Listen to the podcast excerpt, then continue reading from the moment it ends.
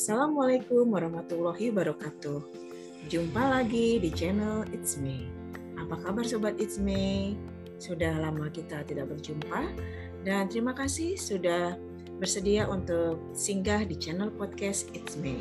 Ya, Sobat Isme, untuk topik kali ini saya akan mengajak uh, pembahasan yang lagi viral, yang sedang mungkin digemari banyak orang ya, uh, dan yang saya lihat juga di mana-mana sampai di TikTok pun wah banyak sekali uh, sequel tentang tayangan uh, series ini. Ya, untuk topik kali ini saya akan mengajak seorang psikolog untuk bincang-bincang seputar uh, perselingkuhan. Ya, mengapa perselingkuhan? Karena ini benar-benar uh, saya angkat idenya uh, dari yang sedang viral layangan putus ya seperti itu. Ya, ibaratkan uh, demam layangan putus ya mungkin di sini kita tidak membahas tentang uh, apa di balik layar layangan putus yang katanya dari true story, tetapi kita di sini uh, lebih melihat mungkin uh, karakternya ya, juga tentang uh, bagaimana sih tips agar kita tidak terjebak pada uh, perselingkuhan ya seperti itu. Ya uh, sobat It's Me, uh, untuk uh, topik kali ini seperti biasa saya mengundang sahabat saya Ririn Vina Rihdayanti yang merupakan seorang psikolog ya Nah, Ririn ini adalah uh, psikolog uh, industri organisasi dengan pengalaman sebagai praktisi human resources generalis sampai ke manajerial level beberapa perusahaan swasta selama kurang lebih 12 tahun. Selain menjadi psikolog, uh, Ririn juga dia aktif dan tertarik pada manajemen dunia pariwisata dan bisnis keramat tamahan yang pernah menjadi salah satu industri yang digelutinya. Sehingga ia mengambil program S2 dalam bidang tersebut di Rich Sumeikan Asia Pacific University Jepang dengan dukungan beasiswa dari Asia Development Bank Japan Scholarship Program. Ya, uh, Ririn Vina Hidayati, apa kabar nih? Halo, Assalamualaikum Mbak Mai dan semua pendengar setiap podcast It's May. Terima kasih sudah mengundang kembali. Alhamdulillah saya sehat Mbak Mei. Mbak Mei apa kabar? Baik dong. Ya, gimana nih Mbak Ririn? Sehat? Sehat, alhamdulillah. Apa nih aktivitasnya, kesibukannya? Iya, jadi uh, selain tetap aktif di dunia psikologi industri, saya juga makin tertarik sama isu-isu kesehatan mental, termasuk uh, yang ini nih Mbak, uh, yang Mbak Mei ajak saya sekarang untuk obrolin uh, tentang bagaimana sih sebenarnya perselingkuhan ini gitu ya dari dari sisi psikologinya kayaknya menarik kalau kita bahas malam ini ya Mbak Mei gitu. Ya, Mbak Ririn, emang ini kayaknya sekarang ini lagi viral ya, lagi viral banyak sekali khususnya kaum perempuan sepertinya menjadi penonton setia series dari layangan putus ya. Walaupun inspirasi dari kisah nyata tapi uh, banyak mungkin netizen yang mayoritas perempuan merasa gregetan, gemes ya sama tokoh dan kisah ceritanya seperti itu. Ya, uh, tentang perselingkuhan nih, nih um, Mbak Riri ini kan banyak sekali ya, kayaknya justru uh, mungkin series dari layangan putus ini kebanyakan kaum perempuan atau mungkin juga di antaranya emak-emak ya, emak-emak ya. yang merasa mungkin empati dengan uh, kinan ya seperti itu karena mungkin mereka merasa sesama perempuan solidaritas ya, ya seperti ya. itu ya. Ya betul mbak. Nah sebenarnya nih uh, topik tentang perselingkuhan ya selalu hangat dibicarakan. Nah uh, Mbak Ririn kira-kira dari tinjauan psikologi sebenarnya apa sih alasan orang untuk selingkuh? Oke, baik Mbak Mei. Saya menyapa dulu semua bapak-bapak di Indonesia nih, terutama yang bernama Pak Aris. Gimana Pak? Masih Pak di rumah? Atau tiap hari sekarang HP-nya diperiksa sama Ibu gitu ya? Baik, uh, untuk pertanyaan Mbak Mei tadi, uh, jadi dalam dalam uh, bahasan psikologi sebenarnya setidaknya ada dua dua tinjauan yang menjadikan alasan kenapa seseorang bisa berselingkuh. Ada tinjauan yang utama atau primary reasons yang berasal dari diri orang tersebut kemudian ada secondary reasons yaitu hal-hal di sekitar individu yang ternyata jadi andil juga untuk seseorang akhirnya bisa berselingkuh. Kita coba bahas satu-satu ya. Kalau yang ya. untuk uh, primary reasonnya, ini secara general laki-laki itu biasanya, jadi tidak semuanya ya, tapi biasanya mengekspresikan cinta itu dengan kedekatan dan sentuhan-sentuhan fisik. Terus akhirnya menjadikan kehidupan seksual sebagai hal yang sangat penting dalam suatu hubungan dan keintiman dengan pasangan. Nah, saat pasangannya itu menolak untuk memiliki uh, kedekatan secara fisik atau berhubungan seksual, kadang-kadang laki-laki itu benar-benar masukin ke hati penolakan tersebut gitu ya. Kemudian dia merasa bisa saja akhirnya merasa kurang dicintai sama pasangannya atau insecurity-nya kambuh kadang-kadang merasa jangan-jangan istriku udah nggak ngelihat aku menarik lagi nih gitu insecurity nah salah satu dari hal ini baik insecurity atau ngerasa tidak dipenuhi kedekatan fisiknya dengan istri itu menjadi salah satu alasan kenapa laki-laki bisa berselingkuh. Sambil ingin membuktikan sebenarnya di luar sana masih ada kok yang tertarik sama sama saya gitu ya insecurity-nya bilang begitu. Di sisi lain kalau untuk wanita wanita ini uh, melihat bahwa kebutuhan emosional itu dan kedekatan emosional itu lebih penting gitu ya untuk dipenuhi. Jadi kadang-kadang wanita bisa selingkuh karena keinginannya untuk mengisi kekosongan kedekatan emosional yang dia tidak dapat dari pasangannya Mbak Mei.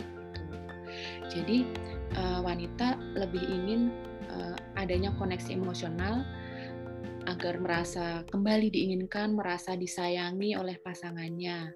Jadi kalau uh, dia tidak mendapatkan kedua hal itu, uh, tumbuh juga rasa kurang dihargai dalam diri seorang wanita atau kurang dipedulikan gitu oleh pasangannya. Akhirnya dia bisa sendiri.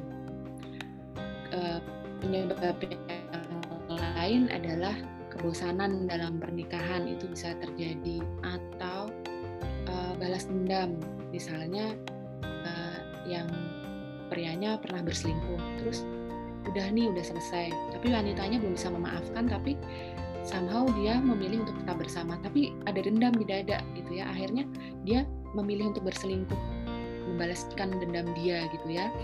Terus uh, ada juga alasan misalnya ketidakbahagiaan atau ketidakpuasan dalam pernikahan baik secara emosional maupun kehidupan seksual gitu ya. Uh, pernikahan ini kan sebenarnya tanggung jawab bersama yang harus selalu diusahakan bersama berdua gitu ya. Uh, jika hanya salah satu saja yang mengusahakan atau bekerja, lama kelamaan pasangan ini bisa bertumbuh dengan dengan tidak seimbang, terpisah gitu ya. Jadi uh, masing-masing punya kehidupan sendiri akhirnya gitu. Dan uh, itu akan diperburuk apabila dari waktu ke waktu kedekatan fisik tidak terbangun, kedekatan emosional tidak terbangun, akhirnya selingkuh gitu ya. Atau yang tadi sudah sempat saya uh, singgung perasaan kurang dihargai gitu ya. Misalnya nih, nih uh, si istri udah dan suami sama-sama sibuk bekerja di luar rumah tapi si istri kemudian masih sibuk uh, punya pekerjaan di rumah ngurusin uh, pekerjaan domestik anak rumah tangga segala macam. Saat dia kelelahan suami sibuk sendiri kadang si istri merasa diabaikan. Jadi kadang-kadang itu juga menjadi alasan dia bisa berselingkuh atau sebuah penelitian pada tahun 2018 kemarin itu menyatakan bahwa uh, kurangnya komitmen dalam dalam di dalam sebuah hubungan itu juga memberikan andil uh, semakin besarnya kemungkinan orang untuk berselingkuh. Juga untuk adanya uh, penuaan atau citra pada tubuh misalnya kita kadang melihat atau mendengar ada laki-laki atau perempuan yang sudah paruh baya berselingkuh sama anak-anak yang usianya seusia sama anak mereka. Ini untuk membuktikan bahwa mereka tuh masih mampu menarik perhatian uh, orang yang jauh lebih muda gitu ya. I still have it gitu kalau kalau istilahnya gitu ya. Uh, kadang mereka melakukan ini juga karena mereka mengklaim pasangan saya udah nggak ngurusin saya kok udah melepaskan saya istilahnya jadi mereka berselingkuh. Nah itu primary reasonnya mbak atau alasan-alasan yang uh, terdapat dalam diri individu kenapa dia bisa saja berselingkuh. Kemudian untuk secondary reasonnya atau alasan-alasan di luar uh, individu di sekitar individu tuh ada beberapa hal mbak. Misalnya dengan adanya internet nih perselingkuhan secara emosional itu akhirnya lebih mudah dilakukan saat ada situs-situs media sosial. Misalnya ketemu teman lama gitu ya terus di add friend di Facebook atau memfollow kita di Instagram atau Twitter segala macam gitu ya. Terus akhirnya terbangun lagi ketertarikan dengan mereka gitu ya. Terus akhirnya terjadilah apa yang kita biasa sebut online cheating atau internet infidelity gitu ya. Uh, yang sebenarnya itu dikategorikan tetap sebagai perselingkuhan walaupun tidak uh, bertemu secara langsung. Jadi internet bisa jadi wahana, tapi jangan salah, semua uh, secondary reason ini sebenarnya uh, kalau dari internet segala macam, internet pun punya hal-hal baik yang bisa ditawarkan kepada kita gitu ya. Kemudian yang kedua adanya kesempatan. Uh, pasangan yang mungkin harus terpisah jarak misalnya uh, long distance marriage yang suami harus kerja di luar pulau misalnya atau harus ditugaskan ke mana gitu ya. Uh, akhirnya ngasih ngasih space atau ngasih ngasih kesempatan atau membuat membuat akhirnya pasangan ini jadi kesepian yang berujung pada perselingkuhan. Hal ini bisa bisa saja sebenarnya disikapi dengan terbangunnya komunikasi yang tetap baik walaupun nggak ideal. Karena idealnya memang kalau pasangan ya idealnya harus bersatu gitu ya dalam satu rumah walaupun kadang memang yang suami harus bekerja dan lain sebagainya tapi tetap harus pulang ke rumah segala macam. Nah adanya kesempatan untuk berselingkuh karena uh, terpisahnya hidup antara suami dan istri ini memang harus disikapi dengan baik-baik gitu ya dengan dengan komunikasi yang baik segala macam Kemudian penyebab yang ketiga itu adalah poor boundaries atau uh, batasan yang lemah dan kurang jelas. Biasanya ini terjadi pada orang-orang yang sulit ngomong tidak atau menolak tentang sesuatu atau permintaan seseorang. Jadi dia punya kecenderungan susah nolak uh, pada saat orang minta segala sesuatu ke dia atau people pleaser gitu ya. Jadi orang-orang yang seperti ini lebih rentan untuk terjebak dalam perselingkuhan walaupun pada awalnya mereka tidak merencanakan atau tidak menginginkan perselingkuhan tersebut. Dan yang terakhir, pornografi. Kadang penyebab ini dianggap uh, remeh gitu ya. Masa sih cuman karena pornografi di internet doang orang bisa selingkuh. Sebenarnya cukup berbahaya dalam pernikahan gitu ya. Uh, karena akhirnya kadang pornografi menjadi jalan keluar bagi sebagian orang untuk berselingkuh. Eh, dan ini diperburuk, diperburuk dengan makin mudahnya bagi orang untuk mengakses pornografi melalui internet. Gitu Mbak Mei, jadi primary reason sama secondary reason mengapa orang bisa berselingkuh lapornya Mbak Mei. Ya, uh, banyak ya. Oh, banyak sekali. ya, sebenarnya nih kalau dari primary dan apa uh, sekundarinya laki-laki dan perempuan itu sama nggak? Sebenarnya sama sih Mbak. Jadi -huh. pada saat tadi saya juga uh, berusaha mempelajari bagaimana caranya kita untuk menghindar atau terhindar dari perselingkuhan pun kita tidak ternyata tidak ada yang secara spesifik memisahkan berdasarkan gender gitu. Jadi lebih ke self control kita, konsep diri kita, terlepas kita laki-laki atau perempuan yang ternyata tuh sama aja gitu, Mbak. Jadi emang memang apa ya? genderless sebenarnya dua dua gender ini punya kesempatan yang sama untuk berselingkuh dan untuk menghindarinya gitu. Mbak Mei. Ya, jadi uh, memang uh, apalagi sekarang kan pergaulan laki-laki perempuan juga udah semakin ini ya, ya semakin ya. intens dalam dunia kerja, dalam organisasi, dalam kehidupan masyarakat. Nah akhirnya tadi uh, saya setuju, memang tergantung akhirnya kembali ke diri kita ya. Mungkin juga kalau mungkin uh, ada masalah, uh, mungkin juga ada masalah, ada kesempatan, tapi kalau kita punya self control itu iya. tentunya yeah. tidak menjadi apa? Tidak yeah. menjadi ya kesempatan yeah. untuk melakukan hal tersebut ya seperti itu. Apalagi ibaratnya gimana? Kita sebenarnya masih punya rem sendiri gitu uh, untuk untuk bisa memilih uh, apakah itu pun Mbak Mei. Ya, uh, jadi uh, memang uh, ini ya apa uh, alasan beragam. Tapi sepakat nggak kalau seandainya ini apa? Kalau seandainya ternyata kalau perempuan cenderung uh, mungkin tadi ya selain kesempatan lebih ke arah emosional. Iya. Yes, nah, kan iya. kalau laki-laki lebih ke arah fisik ya. Iya, iya betul betul. Itulah sebabnya uniknya um, di neuroscience tuh mengatakan bahwa salah satunya laki-laki ini kadang-kadang uh, pada saat dia uh, tidak bisa mengatakan I love you pada pasangannya bukan karena dia tidak mencintai pasangannya tapi kadang dia tidak bisa membedakan ini cinta atau nafsu gitu loh mbak. Oh bukan iya iya. ini bukan berarti dia tidak mencintai kita tapi pada saat itu dia sedang tidak bisa membedakan ini saya cinta sama istri saya atau cuma nafsu sama istri saya kayak gitu jadi uniknya di situlah kita jadi makin paham drive-nya laki-laki dan perempuan memang berbeda gitu. Kalau perempuan lebih ke dia akan bisa perform kedekatan uh, fisik lebih baik apabila kebutuhan-kebutuhan kedekatan emosionalnya bisa terpenuhi dengan baik gitu.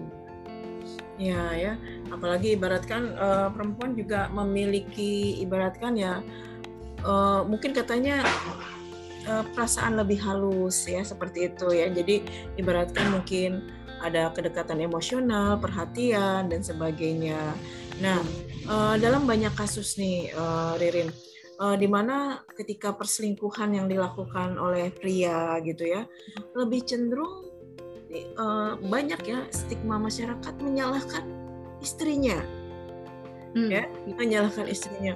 Katanya mungkin istrinya kurang bisa merawat diri ya kurang pokoknya uh, bisa memberikan servis kan seperti itu ya. Ini sebenarnya kenapa nih?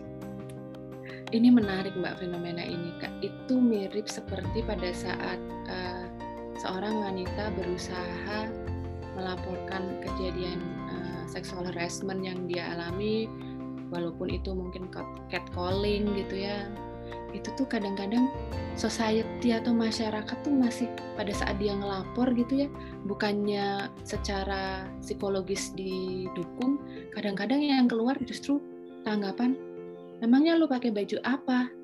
Emangnya kamu penampilannya kayak apa waktu kamu dipanggil seperti itu?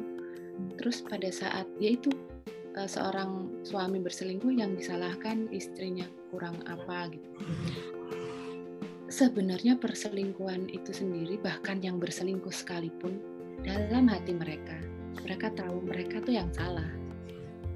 There is no excuse for that gitu. Kalau ngelihat kurangnya seseorang mungkin istrinya juga ada kurangnya tapi belum tentu suami juga sempurna gitu. Betul, ya. Jadi ya. Manusia kan nggak ada yang sempurna ya. Betul. Jadi memang sangat sangat uh, dibutuhkan dari awalnya tuh consciousness ya. Maksudnya paham bahwa saya pun tidak sempurna istri saya pun punya kekurangan. Ayolah kita sama-sama berusaha uh, menyempurnakan yang kita miliki ini yaitu pernikahan di atas ketidaksempurnaan kita. Itulah pentingnya kenapa semua hal harus dikomunikasikan disepakati bersama sampai bahkan kalau ada yang terjadi di luar kesepakatan itu konsekuensinya apa bagi mereka gitu. Jadi uh, kalau ngomong yang bisa lain gini seperti kesuksesan, kegagalan pun gitu ya. Semua orang yang terlibat di dalam satu proses untuk mencapai kesuksesan atau kegagalan itu semuanya punya andil andil baik apabila itu jadi baik jadi sukses tapi andil nggak baik juga pada saat uh, resultnya mereka selingkuh atau ada satu pasangan yang berselingkuh. Jadi poin saya kalau ada kesuksesan itu adalah kontribusi bersama. Kalau ada yang nggak sukses atau ada perselingkuhan misalnya ya semuanya orang di dalam uh, masalah tersebut sebenarnya punya kontribusi. Istri mm-hmm. mungkin ada kesalahan juga suami juga mungkin ada kesalahan.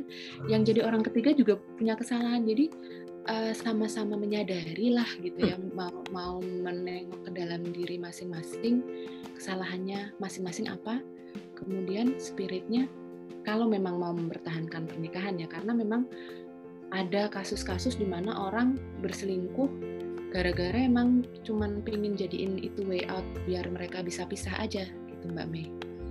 Tuh. Tapi yang ini pun nggak benar sebenarnya. Kalau memang mau pisah, ya pisah baik-baik dulu, baru kemudian menjalin hubungan dengan yang baru. Jangan kayak monyet bergelantungan di dahan yang satu ke dahan yang lain, padahal dia masih menginjak di satu pohon yang sama gitu. Itu main akrobat. Oh, oh terus main akrobat bikin deg-degan bisa jatuh semua gitu kan. Gitu istilahnya tuh selesaikanlah dulu kalau memang sudah nggak bisa berdua nih nggak bisa work out nggak bisa diusahakan untuk tetap bersatu ya udah selesaikan dulu jangan nambah masalah lagi dengan menghadirkan orang ketiga di dalam satu pernikahan gitu sih mbak Mei kalau menurut saya Iya betul ya. Uh, jadi memang mungkin kalau saya bisa menambahkan ini ya kalau dalam konteks sosial ya kita kultur juga ya. Kadang-kadang perempuan itu yang lebih dipersalahkan ya, ya. Uh, karena yang kalau ada perselingkuhan yang istri disalahkan dan juga perempuan ketiganya. perempuan uh, yang ketiganya juga uh, dipersalahkan. Sedangkan pihak laki-lakinya di posisi aman ya seperti itu. Gitu kan. uh, uh. Bahkan uh, ada sebuah uh, parodi ya di TikTok ya seperti ini. Uh, uh, Kinan uh, menyambut Aris pulang itu dengan dasteran dan wajah apa ya di dapur kan dengan maskeran ya seperti itu. Dan lalu uh, setelah itu uh, ini apa ada uh, keluar uh, siapa Lydia. Lydia, uh, Lydia menyambut Aris pulang ya dengan pakaian yang apa uh, seksi gitu ya. Uh, gitu ya. Nah, jadi lalu uh, masyarakat digiring ya teranglah uh, Aris lebih apa? memilih Lydia ya seperti ya. itu ya. Nah, tapi yang menarik memang seperti ini ya. Kadang-kadang uh, perempuan dituntut selalu berpenampilan baik ya. Malah kalau di rumah kita pakai pakaian pesta kan nggak mungkin ya. Atau di rumah selalu pakai parfum gitu kan. Nah, di satu sisi yang saya sering pikirkan ini Lorin, kenapa juga tidak sering diperhatikan? Uh, ya ibaratkan laki-laki juga berpakaian yang ibaratkan nggak usah mungkin ini yang enak dipandang mata ya kan seperti itu ya karena sebenarnya banyak juga setuju nggak Rin misalnya bapak-bapak yang di rumah cuma sarungan atau kok ya kan? Yang pakai kaos oblong gitu. Sedangkan yang perempuan robek-robek gitu ya oh, oh, oh. nah, perempuan dituntut uh, berpenampilan yang pokoknya uh, menarik. Sedap dipandang mata uh, uh, ya, itu. All the time gitu ya mbak. Hmm, nah, saya pikir ya. ini yang mungkin perlu kita ini ya kita ibaratkan uh, ya. Ibaratkan kurang ini ya kurang ya kurang balance kan ya ya, ya yang lakinya mungkin bisa berpakaian ibaratkan tadi ya.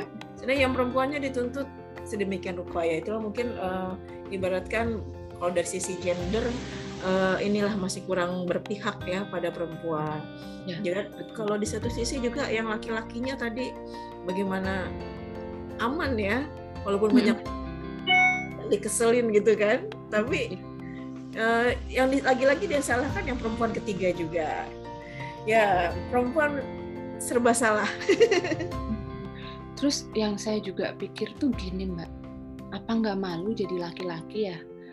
Kok terus dengan segala macam ekspos pendidikan selama ini yang mereka peroleh gitu, masih tetap sedangkal itu gitu. Society ngelihat atau lingkungan atau masyarakat kita ngelihat bahwa eh, laki-laki uh, hanya hanya dipandang sebagai makhluk yang uh, bisa setia, bisa baik pada pasangannya, hanya jika pasangannya berpenampilan representatif di mata dia gitu.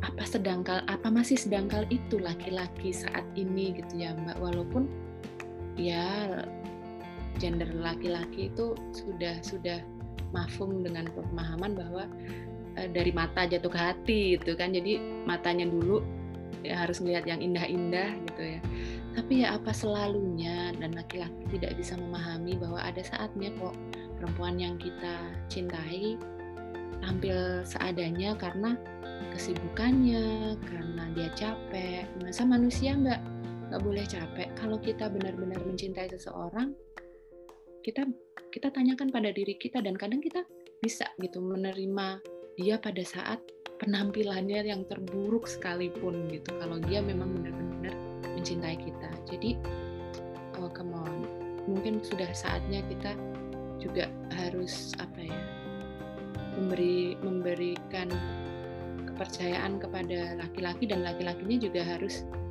uh, berusaha ini ya melatih diri juga ini loh perempuan yang sudah melahirkan anak-anak saya yang sudah tetap mendampingi saya saat saya ada di titik tertinggi maupun terendah hidup saya ya mulai seharusnya mulai bisa kita shifting pemahamannya paradigmnya ke arah itu ya Mbak Mei walaupun memang belum mudah ya dengan budaya patriarki di tempat kita saat yeah. ini. Ya, uh, ada yang mengatakan ini juga nih, katanya kalau laki-laki selingkuh dia tuh lebih royal, yang penampilannya tuh berbeda ya. Tadinya mungkin kaos oblongan, cuek, sekarang lebih apa klimis. Kalau perempuan mungkin kalau keluar selalu rapih kan ya, seperti yeah. itu. Lalu dengan konteks ini apa? katanya Aris memberikan penthouse harga 5M ya. Uh, memang terbiasa ya kalau seandainya uh, ya kalau laki-laki uh, royal pada orang yang uh, dia ini kan ya. Wanita yang dia selingkuhin ya? Iya uh, mbak. Itu jadi saya ingat uh, ada ada bapak saya pernah berkata gitu. Uh, kal kalau berselingkuh itu butuh modal gitu. uh, jadi nggak mungkin tangan kosong juga gitu. Mana ada kalau cuma modal tampang doang. Ada benarnya sih gitu, benar-benar ada yang uh, karena dia udah udah sangat mapan secara ekonomi, akhirnya jadi sugar daddy lah apa segala macam istilah itu ya mbak. Tapi ada juga yang uh, akhirnya berselingkuh karena sama-sama ingin memenuhi uh, kebutuhan emosional justru yeah. nah, jadi sama-sama sudah punya pasangan tapi tidak mendapatkan uh, dukungan emosional dari pasangannya masing-masing kemudian mereka bertemu dan itu akhirnya jadi satu momen di mana mereka punya ruang tersendiri gitu untuk untuk uh, mengisi kekosongan dan dukungan emosional yang tidak mereka dapat dari pasangan masing-masing. Jadi tidak selalunya sih eh, laki-laki yang berselingkuh itu akhirnya jadi royal gitu pada selingkuhannya.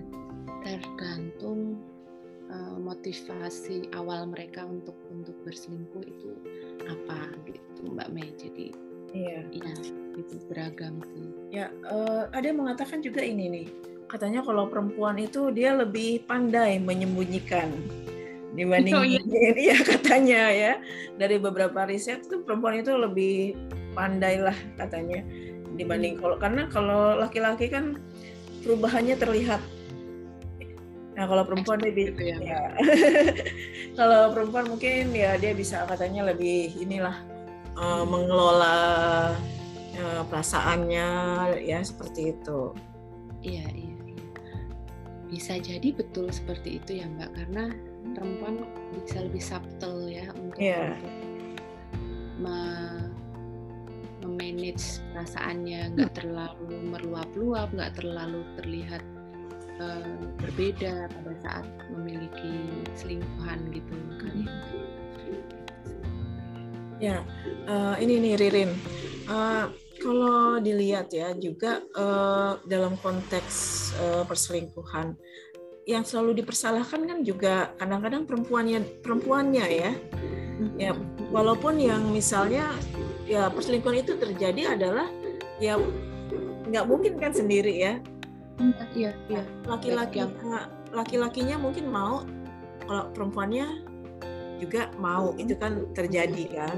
Nah kalau seandainya uh, perempuannya tidak mau ya mungkin laki-laki juga tidak ya. Jadi sebenarnya walaupun misalnya ada mengatakan perempuannya sih ya dalam kasus uh, demam apa demam layangan putus, uh, layangan putus ya uh, mungkin perempuannya mungkin menggoda padahal mungkin walaupun digoda ya tapi uh, kalau seandainya mungkin yang laki-lakinya punya benteng ya ya. punya benteng dan self control tadi seperti kata Ririn ya mungkin itu nggak akan terjadi jadi sebenarnya tidak selalu salah si perempuan gitu kan iya iya iya hmm. itu tadi mbak ada kesempatan juga bisa terjadi hal seperti itu gitu ya jadi benar seperti kata mbak Mei it takes two to tango ya kan nggak hmm. mungkin satu hal terjadi kalau kedua belah pihak tidak sama-sama mengiyakan kalau cuman ceweknya doang yang ngejar si cowoknya nggak mau tetap aja cowoknya bisa kok sharing ke istrinya ini loh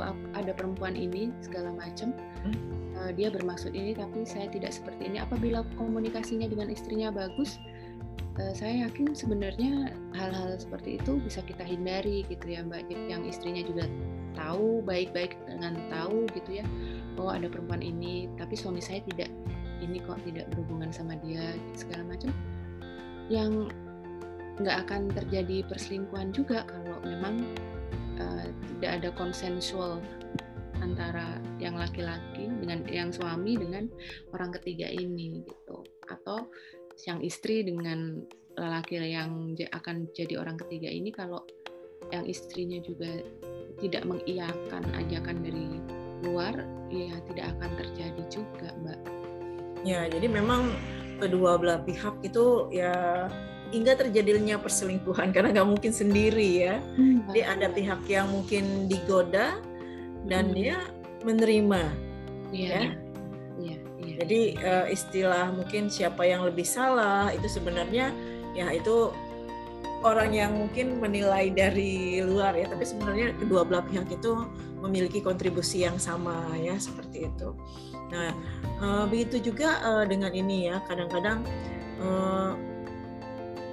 perempuan juga sebenarnya kayak mungkin dari kisah layangan putus, pengorbanannya itu sudah sedemikian besar ya, berhenti dari apa pekerjaan ya, merawat anak, gitu kan?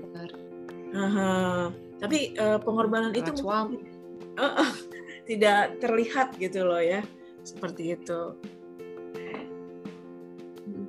Jadi sangat ini ya. Jadi benar-benar uh, sangat menguras emosi ibu-ibu dan mungkin perempuan. Perempuan ya cuman memang kadang eh, kadang-kadang juga sangat perlu sih sebenarnya bahwa dari setiap kita untuk memahami bahasa cinta yang diperlukan oleh pasangan kita gitu ya. Jadi uh, ada bahasa cinta yang lebih ke sentuhan ada bahasa cinta yang lebih ke perhatian ada bahasa cinta yang uh, uh, beres-beres misalnya bahasa jadi ada nih seorang istri yang misalnya dia merasa bahwa ngerawat rumah, ngerawat anak, bebersih segala macam itu adalah cara dia mencintai suaminya. Mm-hmm. Padahal bagi suaminya, suaminya tuh nggak terlalu peduli rumah mau kotor berantakan, anak belum mandi apa segala macam. Sepanjang kalau dia pulang kantor, istri itu nemuin dia dulu ngasih teh-teh anget kayak sama dia atau terus duduk sama dia gimana pak capek seharian apa apa yang bisa uh, mama bantu ini ada teh anget silahkan diminum dulu apa segala macam. Justru perhatian itu yang dibutuhkan sama suami dan itu nggak didapat dari istri. Itu bisa jadi salah satu hal uh, yang memicu suami mencari perhatian di luar rumah juga sebenarnya. Jadi itulah pentingnya suami istri saling memahami bahasa cinta masing-masing. Ada juga sang istri itu yang merasa dicintai apabila suaminya mau memberikan kado-kado kecil misalnya pada saat ulang tahun setidaknya ngasih bunga kayak ngasih coklat kayak itu sebenarnya udah cukup. Nah bagi suaminya dia merasa bahwa bahasa cinta istrinya itu ini padahal kita istrinya inginnya dikasih perhatian kayak kado-kado seperti itu. Jadi tidak sinkronnya atau suami dan istri yang tidak saling memahami kebutuhan emosional dan kebutuhan fisik masing-masing itu juga bisa jadi pemicu seseorang untuk berselingkuh. Maka itu makanya itulah pentingnya kita harus komunikasi dengan pasangan untuk memahami kamu ingin saya cintai dengan cara yang seperti apa. Hmm. itu Mbak Mei. Ya betul ya. Uh, mungkin juga salah satu di antaranya kadang-kadang ini dengan uh, rutinitas mengurus rumah sudah capek ya masak ngurus anak kan lalu ya, ya. juga jangan salahkan kalau cuman berdasteran ya. Mungkin jadi kesempatan me time merawat diri itu uh, kurang ya seperti itu. Tapi uh, kalau seandainya uh, prianya memahami bahkan mungkin memberikan kesempatan uh, seperti ini loh. Kadang-kadang uh, di hari minggu ya di hari minggu misalnya membantu istrinya mengurus rumah ya kan itu kan juga sama aja melakukan ibaratkan kebersamaan betul, betul. ya karena kita ngerasain ya ngurus rumah itu tidak berhenti-henti ya 24 jam dibersihin ya. kotor lagi ya walaupun bocah udah besar ya, kan benar, benar, benar. tapi ya. mungkin dengan perhatian kecil suami iya. bantu itu jadi hal yang bisa menghidupkan ya menghidupkan ya. kebersamaan seperti itu. Iya. Atau mungkin pada hari minggu uh, suami memberi kesempatan sama istri misalnya pada saat istri ingin banget ke spa atau atau sekedar kerimbat atau apa dikasih waktu buat dia me time seperti itu. Itu uh, bisa membuat uh, rumah tangga juga lebih apa ya lebih harmonis karena istri yeah. akhirnya merasa lebih rileks segala macam. Hmm. Ya, karena pada intinya kalau kita terlalu capek itu juga ini ya larinya kan mungkin emosional. Jadi cranky gitu. Iya. Uh, misalnya ngepel, diinjak, ya mungkin udah nggak bisa berkata halus, jangan diinjak seperti. Kamu tahu nggak itu baru aja ngepel gitu. karena mungkin sudah uh, capek gitu kan ya. Tapi kalau ada bantuan kan itu akan lebih rileks dan sebagainya. Nah sekarang mungkin tadi uh, uh, kita uh, beralih kepada sosial media nih media digital. Tadi kan sempat uh, Ririn mengatakan salah satu pemicu perselingkuhan itu adalah media digital ya. Nah mungkin uh, tidak hanya pada orang-orang yang sudah pernah kita kenal kali ya tapi mungkin hmm. orang-orang yang mungkin baru dikenal itu bisa saja eh, kadang-kadang ibaratkan akrab di mana sosmed uh, di dunia virtual ya bisa menjalin sebuah emosi ya seperti itu. Saya suka uh, ada kasus juga loh saya suka baca uh, mungkin ada orang yang jatuh cinta pada teman sosmednya walaupun belum pernah ngeliat gitu kan. Ya, mungkin karena terlalu intens ya, terlalu ya. intens menggunakan sosial media dan uh, mungkin komunikasinya juga terlalu dekat ya seperti itu. Nah, tapi repot juga kan dekat emosional tapi belum pernah ketemu. Iya iya. Ya, ya. jadi uh, apa ya? Jadi satu bentuk yang lumayan baru juga ya. Jadi uh, online cheating itu tadi atau atau internet infidelity itu tadi. Sebenarnya sebelum era internet pun form format perselingkuhan itu tetap ada ya. Dulu dari zaman surat-suratan pun ada sih kasus-kasus seperti ini gitu. Cuman sekarang jadi makin mutakhir aja makin ke sini karena perkembangan teknologi itu gitu. Tapi dampaknya sama-sama merusak uh, sebuah komitmen pernikahan terutama mbak. Kalau memang akhirnya pasangan mengetahui atau hmm. Atau kitanya juga yang yang berselingkuh juga akhirnya benar-benar terlepas kedekatannya dari pasangan kita yang sebenarnya ada di samping kita. Kita lebih memilih uh, sharing selalu ke uh, selingkuhan virtual kita itu gitu. Jadi damaging efeknya tuh sama sebenarnya sama-sama merusaknya jadi ya sebaiknya sama-sama uh, tidak dilakukan ingin kalau memang ingin mempertahankan pernikahan dan rumah tangganya gitu. Ada juga orang yang memang itu tadi cari exit strategi gitu ya. Jadi mencari jalan keluar dari uh, pernikahan yang dia sudah tidak inginkan gitu. Kalau di layangan putus akhirnya kayak si Miranda. Miranda yang temennya si Mas Aris itu yang akhirnya rumah tangganya benar-benar selesai karena uh, Miranda berselingkuh tapi dalam perselingkuhan tersebut Miranda melakukannya karena dia udah nggak dapat lagi excitement dari suaminya dulu suaminya tuh dia kenal orang yang bersemangat, punya banyak impian yang ingin diwujudkan. Tapi along the way saat mereka sudah menikah, si suami ini kok berubah jadi orang yang mudah putus asa, apa-apa sedikit terus berhenti di tengah jalan. Jadi Miranda kehilangan excitementnya sebagai seorang istri.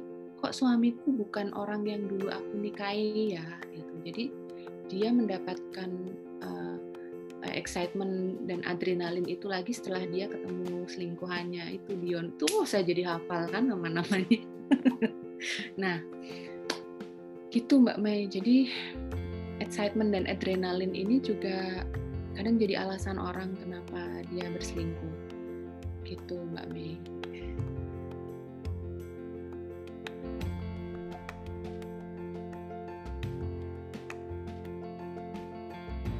Halo, Mbak Mei. Oh ya, ya uh, masih di mute ternyata. Ya ternyata tantangan di era digital ini tantangannya besar sekali ya. Nah, ya, besar. Uh, uh, apalagi uh, mungkin ibaratkan bisa uh, yang laki-laki itu peluang cuci mata ya. Ya.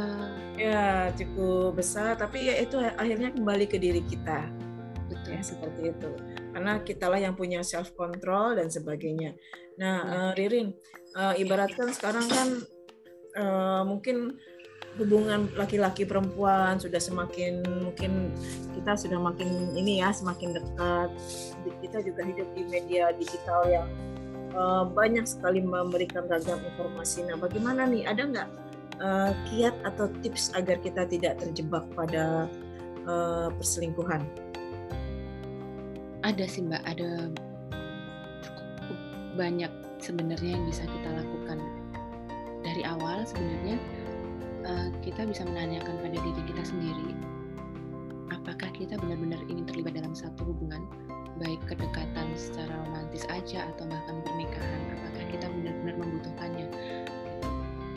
Hmm, memang agak sulit untuk memisahkan diri dari keinginan sosial atau harapan sosial bahwa pada usia segini sebaiknya kita sudah menikah, pada usia segini kita untuk saat ini dan ke depannya sebaiknya kita jadi lebih apa ya lebih berhati-hati untuk menanyakan lagi kepada diri kita benarkah kita inginkan pernikahan? Benarkah kita uh, merasa butuh untuk menikah gitu ya? Karena dampaknya nanti kalau memang kita tidak menginginkan dan dan saat sudah menikah justru baru menemukan orang yang lain misalnya yang sebenarnya lebih cocok menurut kita lebih lebih bisa kompatibel dengan kita itu artinya kita sudah uh, menyakiti orang yang sebelumnya kita ajak untuk berkomitmen.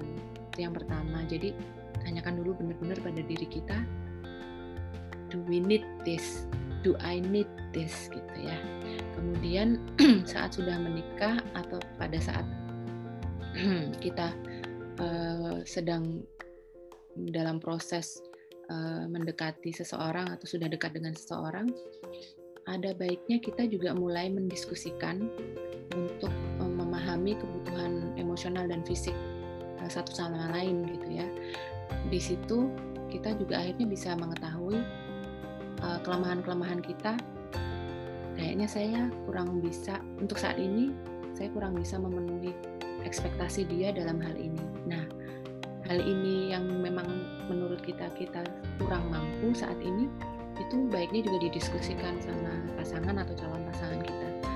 Apa yang bisa kita lakukan untuk work, work this thing out gitu ya? Apakah saya yang harus lebih berusaha ataukah dia yang menurunkan ekspektasinya atau dua-duanya?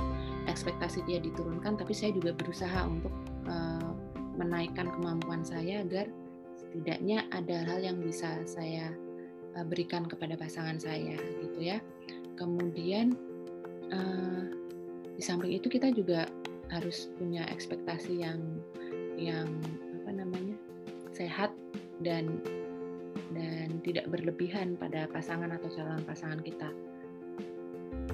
Eh, dia tidak sempurna, tapi kita juga bukan malaikat yang tidak punya kekurangan gitu. Jadi eh, masing-masing saling saling apa ya bisa mengukur diri juga gitu ya keterbatasan dan kelebihan masing-masing. Kemudian saat kita sudah tahu Eh, kebutuhan-kebutuhan uh, pasangan kita baik emosional maupun uh, fisik ada baiknya kesepakatan itu juga secara detail kita sepakati kalau perlu tertulis gitu ya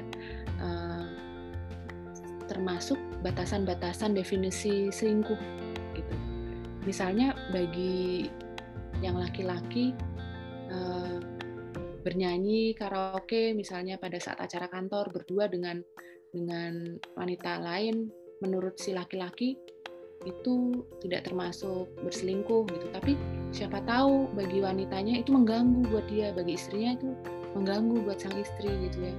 Nah hal-hal seperti itu tuh wajib dikomunikasikan dan disepakati baiknya seperti apa gitu. Karena definisi selingkuh kadang-kadang secara operasional definisinya bisa berbeda satu orang dengan yang lain. Batasan-batasannya itu juga yang harus didiskusikan dan disepakati.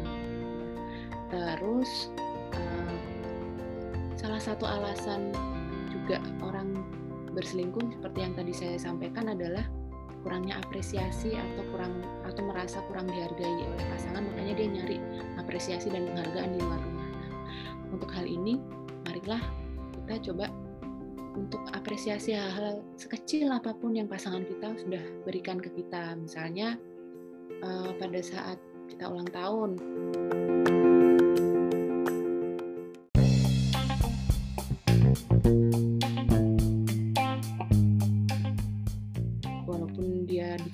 jauh dia masih sempat mengirimkan kita bunga atau bahkan mengirimkan kita makanan atau kue segala macam kemudian mengucapkan selamat ulang tahun.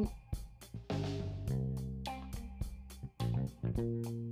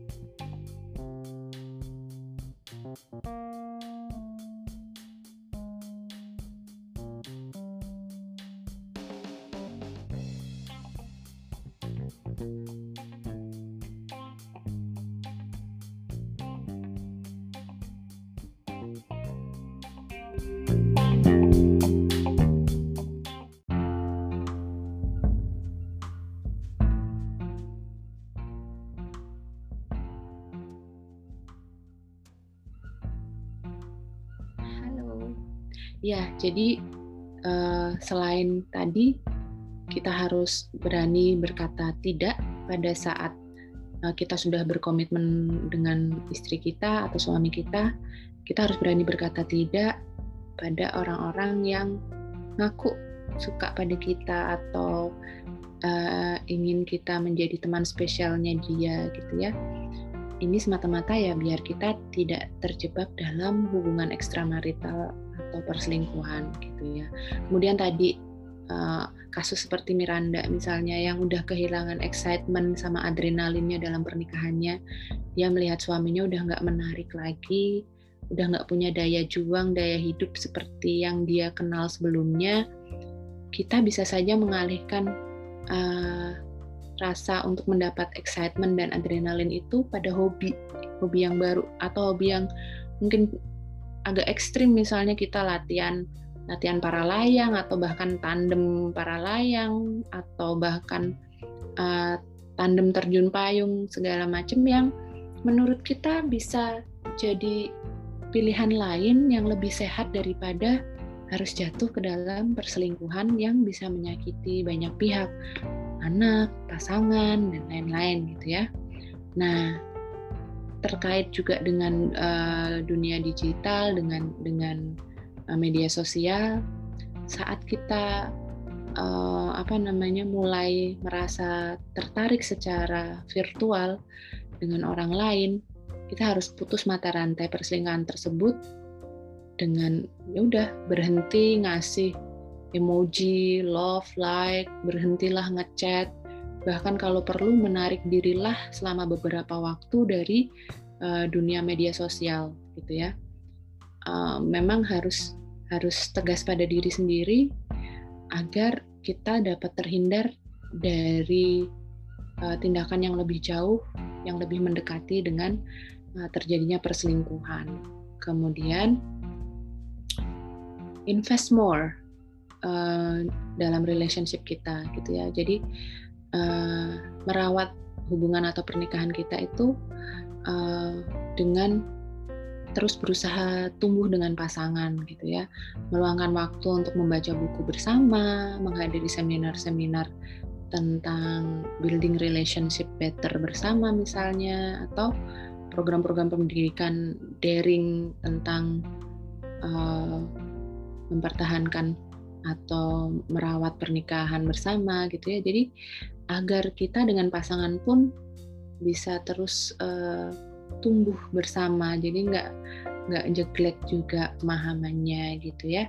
Dan kita akhirnya bisa kembali merasa tertarik berulang-ulang dengan pasangan kita apabila kita setiap waktu dari waktu ke waktu melihat pasangan kita berubah atau bertransformasi jadi versi mereka yang lebih baik atau yang baru gitu. Jadi kita tertarik pada orang yang sama berulang-ulang karena orang itu pun bertransformasi menjadi orang yang lebih baik setiap harinya. Jadi uh, itu pun bisa menghindarkan setiap orang untuk uh, berselingkuh pada saat pasangannya uh, setiap saat terlihat makin menarik di mata kita gitu ya. Terus apabila kita uh, curiga bahwa pasangan kita mulai tertarik pada orang lain, mengancam, kemudian me membuat mereka takut bahwa kita akan uh, mengobrak-abrik hidup mereka itu tidak memberikan uh, jaminan bahwa mereka akan tetap bersama kita. Tapi apabila kita dapat mendekati pasangan, uh, tanpa menghakimi mereka dengan penuh kasih gitu ya. Agar mereka kita bisa uh, buat untuk berbicara kepada kita dengan terbuka dengan jujur gitu ya tentang sebenarnya yang mereka pikirkan yang mereka rasakan kemudian kebutuhan-kebutuhan mereka yang kadang orang tua sama temennya pun nggak tahu dan dia bisa terbuka kepada kita itu adalah salah satu nilai tambah buat kita. Jadi kita bisa paham, lebih memahami gitu ya pasangan kita. Oh ternyata dia ingin hal ini, tapi saya belum bisa uh, kasih saat ini. Jadi saya akan berusaha untuk uh, bisa memberikan hal itu kepada pasangan saya gitu. Jadi bersikap agresif, kemudian bersikap kasar pada pasangan pada saat menemui dia mulai tertarik pada orang lain sebaiknya dihindari sih. Jadi agar dia juga merasa punya keberanian untuk jujur pada kita bahwa uh, yang dia cari sebenarnya yang seperti apa, kebutuhan apa, keinginan apa gitu. Kemudian itu tadi berusaha memperbaiki diri dari kitanya gitu ya, uh, agar setidaknya kita bisa uh, berusaha memberikan sesuai dengan kebutuhan dari pasangan kita. Di lain pihak, sebagai pasangan kita juga uh, seharusnya mengembangkan harapan yang sehat dan tidak berlebihan terhadap pasangan kita gitu ya karena kita pun tidak sempurna kita pun sebenarnya pasangan kita juga memaklumi banyak hal dari kita dan dia pun tetap setia pada kita kenapa kita juga harus tertarik pada orang lain gitu ya jadi saling menghargai juga gitu ya terus hmm, pada saat dorongan untuk berselingkuh itu muncul coba kita tanyakan dalam diri kita sendiri gitu ya is it even worth it gitu ya mengingat siapa yang akan tetap bersama kita pada saat fisik kita udah dimakan usia, pada saat kemudaan kita udah mulai sirna, saat kesehatan dan kehidupan seksual kita udah jauh menurun. Siapa yang masih tetap bersedia menemani kita, berbagi hidup, menua bersama kita? Apakah selingkuhan kita atau pasangan kita yang saat ini? Gitu. Jadi kalau memang uh, selingkuhan kita itu kita rasa worth it untuk kita kehilangan keluarga kita yang saat ini ya uh, silahkan dikomunikasikan dengan baik gitu jangan yang seperti tadi saya bilang yang satu belum selesai uh, sudah ada orang ketiga gitu. Jadi lebih baik komunikasikan dulu pada pasangan kita masing-masing. Kok saya merasa begini ya? Merasa bahwa kamu bukan orang yang bisa menua bareng saya misalnya segala macam gitu. Tapi apabila kita merasa it's not worth it to lose this marriage, ya sudah, jangan selingkuh gitu ya. Kemudian uh, untuk menghindari uh, perselingkuhan juga kita bisa dengan membatasi waktu di mana kita melakukan segala sesuatunya tanpa pasangan kita. Misalnya, kalaupun harus pergi lama dengan rekan kerja yang berlainan jenis, misalnya, uh, kalaupun harus pergi dengan uh, rekan kerja kita yang berlawanan jenis, ya waktunya benar-benar uh, dibatasi saja seperlunya. Kemudian kalau menghadiri pesta misalnya tanpa pasangan, selayaknya lah tidak usah sampai larut malam sendirian atau uh, kelamaan uh, menghabiskan waktu sendiri atau sambil minum alkohol terlalu banyak segala macam. Intinya kalau memiliki kehidupan dan aktivitas sosial yang sering terpisah dari pasangan, itu juga bisa meningkatkan resiko seseorang untuk berselingkuh gitu. Jadi ya dibatasi eh, dengan dengan dengan uh, jumlah yang moderat gitu ya. Kemudian apabila kita merasa perlu boleh uh, menemui tenaga profesional seperti terapis atau psikolog atau konselor pernikahan gitu ya dengan tujuan yang berbeda-beda gitu ya kalau mendatangi terapis atau psikolog secara individu bernama terapi individu itu uh, lebih bertujuan untuk membantu kita menemukan apa saja sih yang sebenarnya sedang yang terjadi pada kita atau apa yang sebenarnya kita inginkan. Tapi kalau couple terapi atau terapi atau konselor pernikahan itu konselor yang harus kita datangi dengan pasangan kita yang bertujuan agar pernikahan kita itu kembali pada relnya gitu ya. Kemudian ada baiknya juga eh, memperbanyak waktu untuk bisa berdua dengan pasangan. Misalnya lokasikan waktu di akhir pekan untuk bersama-sama dengan pasangan, fokus untuk saling memahami kebutuhan masing-masing pasangan gitu ya. Uh, bisa dengan benar-benar apa membangun kedekatan fisik maupun uh, emosional berdua gitu ya uh, kemudian itu tadi membangun diri agar tetap um, menarik di mata pasangan kita secara reguler ber, mencoba bertransformasi menjadi orang yang lebih baik dan lebih memahami pasangan kita. Gitu Mbak Mei beberapa tips agar kita baik pria maupun wanita hmm. bisa terhindar dari um, perselingkuhan. Wah, uh, cukup banyak ya, uh, Mbak Ririn. Uh, yeah. Intinya mungkin kalau saya simpulkan ujung-ujungnya komunikasi ya. Nah, iya, ya, iya. Memang untuk menjaga komunikasi uh, itu ya gampang-gampang susah. Iya, iya. iya. Ya, Padahal kalau komunikasi baik, otomatis relationship juga baik ya, seperti itu. dan uh, sedikit tidaknya ibaratkan dengan komunikasi juga uh, menjaga uh, hubungan yang mungkin uh, di awal harmonis dan uh, seiring waktu dengan adanya komunikasi tetap harmonis ya seperti itu. Jadi jangan uh, seperti istilah seperti ini ya sering kita dengar ketika masih pacaran jatuh uh, dipegangin jatuh ya deh. ya seperti itu. Gitu ya. eh ketika mungkin udah lima tahun menikah jatuh mungkin mat, mana matanya kan sering jalan mata gitu ya iya. ya ada ungkapan-ungkapan seperti itu ya tapi memang menjaga kualitas komunikasi itu uh, sesuatu yang mungkin menjadi tantangan ya dalam sebuah rumah tangga karena juga uh, padahal kalau komunikasi baik ibaratkan godaan dan mungkin permasalahan itu juga uh, bisa uh, diselesaikan ya seperti itu. Ya, karena ibaratkan kalau kita terbuka kan oh maksudnya istri maksudnya suami uh, ternyata berbeda persepsi lalu ketemu ya seperti itu. Iya iya betul betul. Jadi uh, baik komunikasi dal, uh, antar antar kita dalam dalam hubungan pernikahan gitu ya.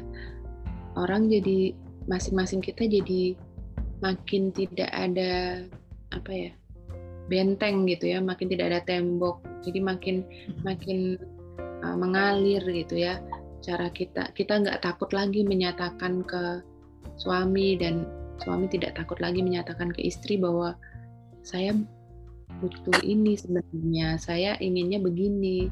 Menurut kamu gimana? Jadi uh, dalam komunikasi itu juga dibutuhkan uh, rasa dan kemampuan untuk saling memaklumi juga gitu ya keterbatasan masing-masing. Mengembangkan harapan yang yang sehat dan dan uh, tidak berlebihan pada pasangan kita. Itu juga membantu banget untuk membangun komunikasi yang sehat gitu ya Mbak uh, dalam pernikahan gitu Mbak Mei. Ya termasuk mungkin uh, ibaratkan uh, ketika kita memberikan kritik ya itu bisa menjadi ini masukan juga kan ya karena setiap orang itu tidak ada yang sempurna baik suami baik pun istri ya misalnya uh, tadi ya ala-ala kinan misalnya jangan dasteran ya seperti itu kan. Kalau ya. dikomunikasikan tuh lebih enak. Gitu pula mungkin yang laki-laki jangan mungkin sarung. Ya oh, seperti itu. bolong-bolong gitu ya. Iya. yang perempuan dituntut uh, apa? Dituntut rapi yang laki-lakinya uh, seenaknya ya. Mungkin adanya komunikasi yang baik mungkin romantisme dan mungkin masalah juga bisa diselesaikan ya betul betul ya ya uh, sobat Isme uh, Sepertinya kalau kita membicarakan tentang perselingkuhan sepertinya wah cukup panjang ya karena bisa dari berbagai macam perspektif ya. Begitu juga bisa dari sudut uh, budaya, psikologi. Kali ini kita coba membahas dari sudut psikologi. Tadi juga sempat disinggung juga dari sudut budaya tentang ya uh, ada kalanya perempuan disalahkan karena mungkin tadi kita lebih ke arah matriarkat ya uh, patriarkat di mana laki-laki selalu dianggap power ya, memiliki kemampuan dan sebagainya dan perempuan lah yang selalu disalahkan ya seperti itu. Ya, uh, sobat Isme mungkin uh, ini saja bincang-bincang kita dengan uh, Ririn Vina ya, psikolog kita. Uh, mungkin uh, Ririn mau ada pesan uh, tentang topik kita kali ini kepada sobat Isme, dipersilakan Ririn. Baik, terima kasih Mbak Mei. Jadi closing statementnya mungkin seperti ini ya. Banyak alasan terjadinya perselingkuhan dan pernikahan memang kadang rumit gitu ya. Namun tadi membangun komunikasi yang baik dengan pasangan, termasuk berdiskusi baik-baik dengan pasangan, saling menyampaikan kebutuhan kita masing-masing, secara reguler gitu ya. Jadi memang harus kita alokasikan waktu untuk uh, ngobrol dengan pasangan, saling belajar juga uh, jangan jemu untuk memaafkan satu sama lain serta berkomitmen untuk memperjuangkan keutuhan rumah tangga kita setiap harinya dapat menjadi hal-hal terbaik yang dapat kita lakukan untuk melindungi pernikahan kita dari perselingkuhan. Amin, insya Allah Mbak Mei. Ya, ya, sobat It's May.